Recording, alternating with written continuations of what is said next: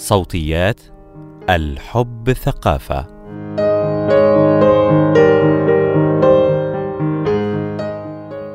في كثير من الأحيان قد يكون ممارسة الإمتاع الذاتي المعروف بالاستمناء أول فعل جنسي يكتشفه الشخص عند اكتشاف رغبته الجنسية بوجه عام.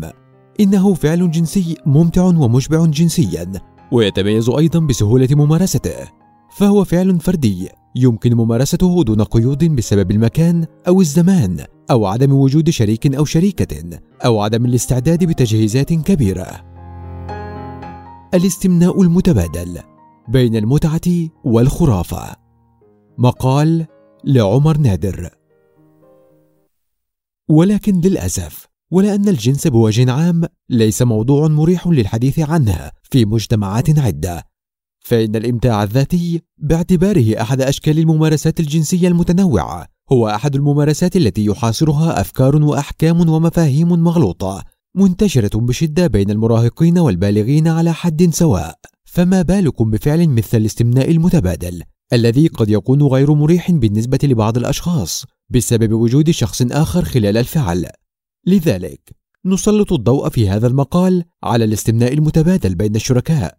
من خلال إتاحة بعض المعلومات الصحيحة حول الأفكار الخاطئة الشائعة بخصوصه وسنقدم بعض النصائح حول الطريقة التي قد يساهم بها هذا الشكل من التعبير الجنسي في إقامة علاقة جنسية مرضية قائمة على الاستكشاف والانبساط. ما هو الاستمناء المتبادل؟ يمكن للشركاء أن يستكشفوا رغباتهم ويعززوا العلاقة الحميمية والعاطفية بينهم بممارسة الاستمناء المتبادل من خلال مداعبة الأعضاء الجنسية الخاصة بهم أو الخاصة ببعضهم البعض في نفس الوقت. قد يقومون بذلك باستخدام الأيدي أو الألعاب الجنسية. للأسف، أدت المفاهيم الخاطئة الشائعة المحيطة بالاستمناء المتبادل إلى إثارة الارتباك بين الكثيرين. فمثلا، من الشائع أن ممارسة الأشخاص للاستمناء سيقلل من استمتاعهم بالعلاقة الجنسية مع شريكهم أو شريكتهم بسبب التعود على الاستمناء الفردي ومن الشائع أيضا أن الشركاء لن يتمكنوا من الاستمتاع بأي أشكال أخرى من الممارسات الجنسية ولن يتمكنوا من الوصول للرعشة الجنسية إذا داوموا على ممارسة الاستمناء المتبادل. ولكن في الواقع إن هذه الأفكار ليست حقيقية فالأشخاص يمكنهم الاستمتاع بالعلاقة الجنسية حتى مع ممارستهم للإمتاع الذاتي أو عند ممارسة الاستمناء المتبادل. وبالمثل هناك أفكار أخرى تستدعي مناقشتها فيما يتعلق بالاستمناء المتبادل. واحد يقال أن ممارسة الاستمناء المتبادل هو لغير القادرين على ممارسة الإيلاج فقط، وفي الواقع يمكن أن يكون الاستمناء المتبادل بديلا لمن لا يستطيعون أو لا يرغبون في ممارسة الإيلاج، ولكن يمكنه أن يكون أيضا واحدة من ضمن ممارسات جنسية مختلفة ومتنوعة يستمتع بها الشركاء وقد تشمل الإيلاج. فالاستمناء المتبادل هو في حد ذاته قد يكون نشاطا جنسيا ممتعا لبعض الأشخاص بغض النظر عن قدرتهم على الانخراط في أشكال أخرى من الجنس. اثنان يقال أن الاستمناء المتبادل لا يعتبر ممارسة جنسية حقيقية يتوقف ذلك على تعريف الجنس الحقيقي بالنسبة للكثيرين قد يكون الإيلاج هو الممارسة الجنسية الوحيدة التي تعتبر جنسا حقيقيا ولكن في الواقع إن هذا الاعتقاد قد يقف حائلا دون استمتاع الشركاء بممارسات جنسية متنوعة يستكشفون من خلالها أجسادهم وأجساد بعضهم البعض ومواطن الاستمتاع بها. فالنظرة للجنس باعتباره يمارس بغية المتعة؟ ستجعل تعريف الجنس ليس مقتصرا على ممارسة محددة بل على العكس. سيتسع ليشمل مجموعة متنوعة من الأنشطة التي تحقق المتعة بين الشركاء المتوافقين. يعد الاستمناء المتبادل أحد هذه الأنشطة حيث أنه ممارسة جنسية يتخللها المداعبة والاستثارة الجنسية وتنطوي على إمكانية الوصول إلى النشوة الجنسية. ثلاثة يقال أن الاستمناء المتبادل لا يمارس سوى من قبل الأفراد عديم الخبرة أو الخجولين. في الواقع يمكن للأشخاص من جميع مستويات الخبرة والراحة مع أجسادهم أو أجسادهن ومع حياتهم الجنسية الاستمتاع بالاستمناء المتبادل كما يمكنه أن يكون وسيلة لاستكشاف أحاسيس جديدة والتعرف على جسد الشريك أو الشريكة أو ببساطة يمكنه أن يكون أحد أشكال التعبير الجنسي. أربعة يقال أن الاستمناء المتبادل لا يؤدي إلى النشوة الجنسية ولكن الاستمناء المتبادل بإمكانه أن يؤدي إلى الرعشة الجنسية للعديد من الأفراد من خلال الانخراط في مداعبة الشخص لنفسه أو لنفسها أو مداعبة الشريك أو الشريكة. خمسة يقال أن الانخراط في ممارسة الاستمناء المتبادل يعني أن الشريكين غير راضيين عن حياتهم الجنسية.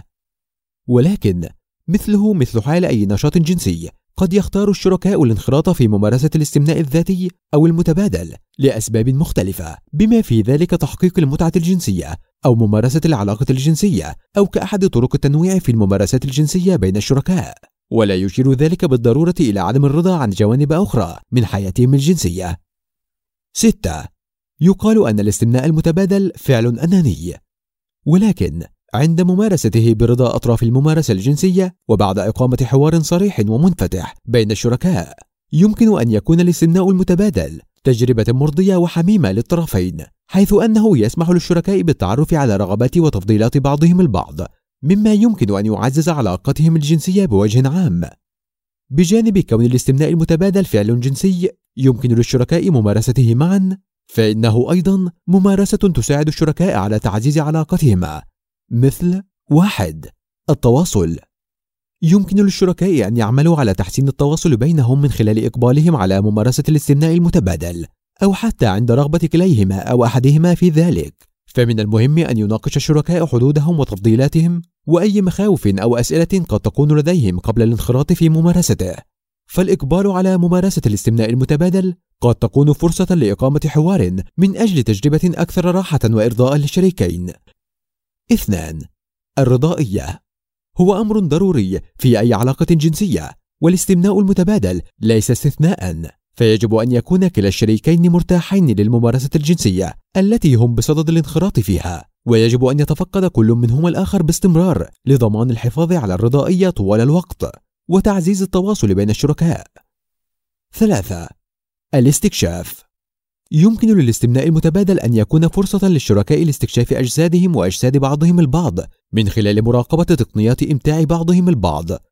يمكن للشركاء اكتساب معرفة أكثر عن طرق الإثارة المختلفة لشركائهم، مما يؤدي إلى تجارب جنسية أكثر إشباعًا في المستقبل. أربعة: الحميمية يمكن أن يؤدي الانخراط في ممارسة الاستمناء المتبادل إلى تعزيز العلاقة العاطفية بين الشركاء. حيث يتضمن مشاركة جانب شديد الخصوصية من النشاط الجنسي للفرد.